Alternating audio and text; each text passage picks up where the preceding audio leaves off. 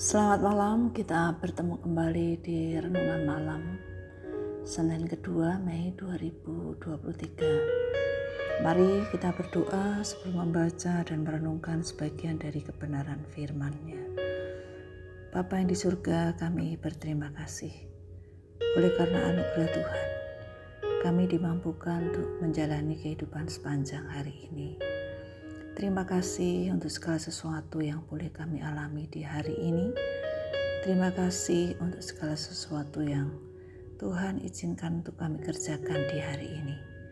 Kami mau membaca dan merenungkan sebagian dari firman Mari Tuhan, Kau berkenan menolong kami, agar kami bukan hanya dimampukan untuk memahami dengan benar, tetapi juga dimampukan untuk melakukan dengan benar.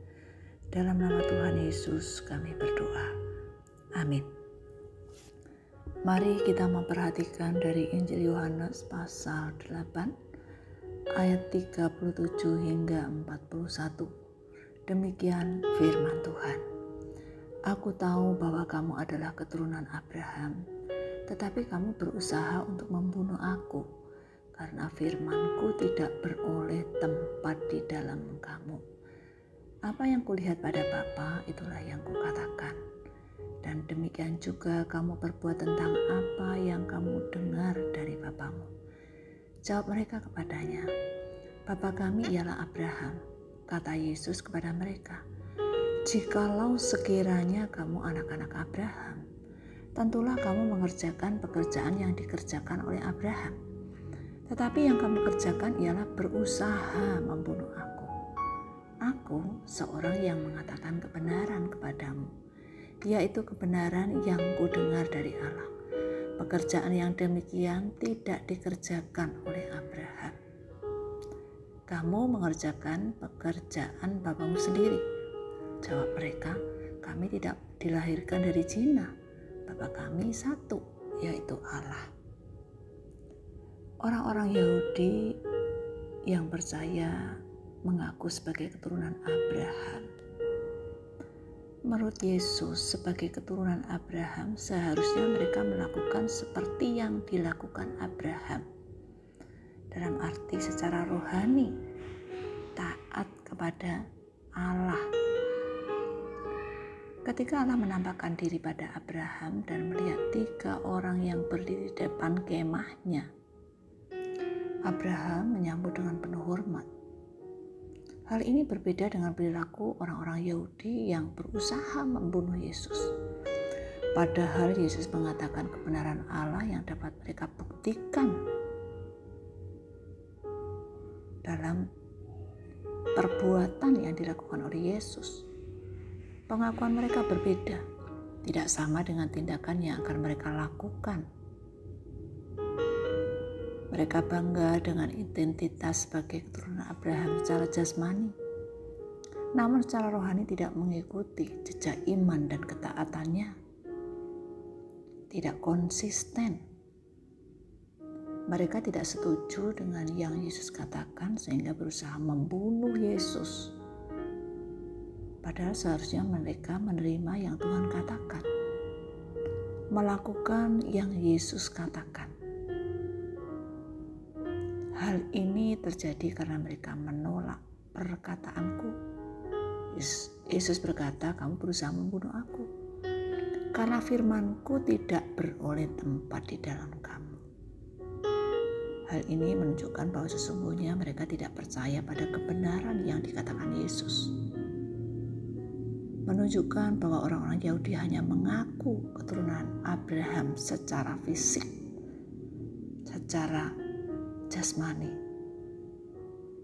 namun tidak menyediakan tempat bagi kebenaran yang Yesus sudah ajarkan dan lakukan. Di sini Yesus berbicara tentang Abraham yang taat sebagai bapak orang beriman. Sedangkan orang-orang Yahudi berbicara dalam pengertian jasmani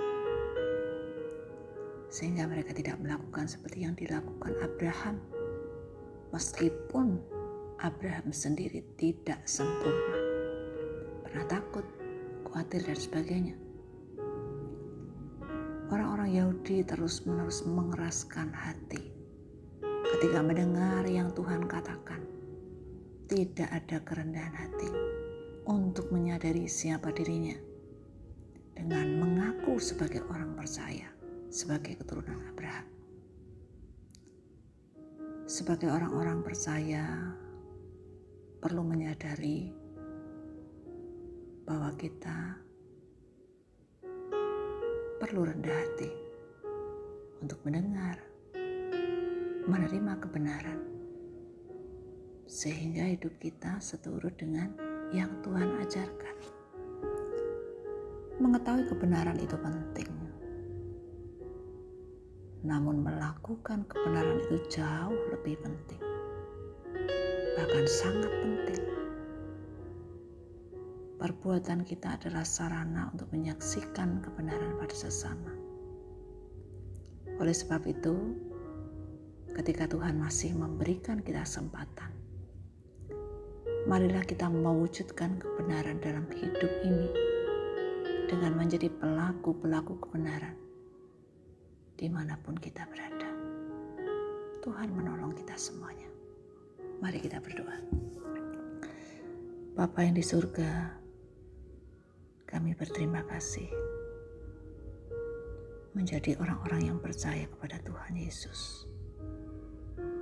Tuhan tolong kami agar kami dapat mewujudkan kebenaran di dalam Kristus dalam kehidupan sehari-hari kami.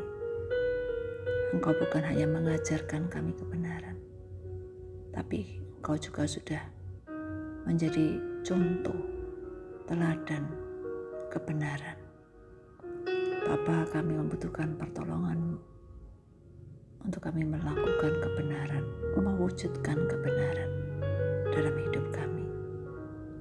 Kami menyadari perbuatan merupakan sarana yang efektif untuk memberitakan kebenaran dalam kehidupan sehari-hari kami. Pakailah hidup kami ya Tuhan untuk setia menjadi pelaku-pelaku kebenaran. Jangan biarkan kami bangga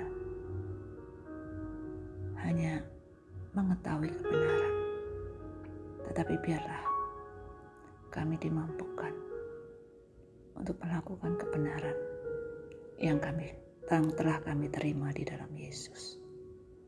Terpujilah nama Tuhan. Kami berdoa di dalam nama Tuhan Yesus. Amin.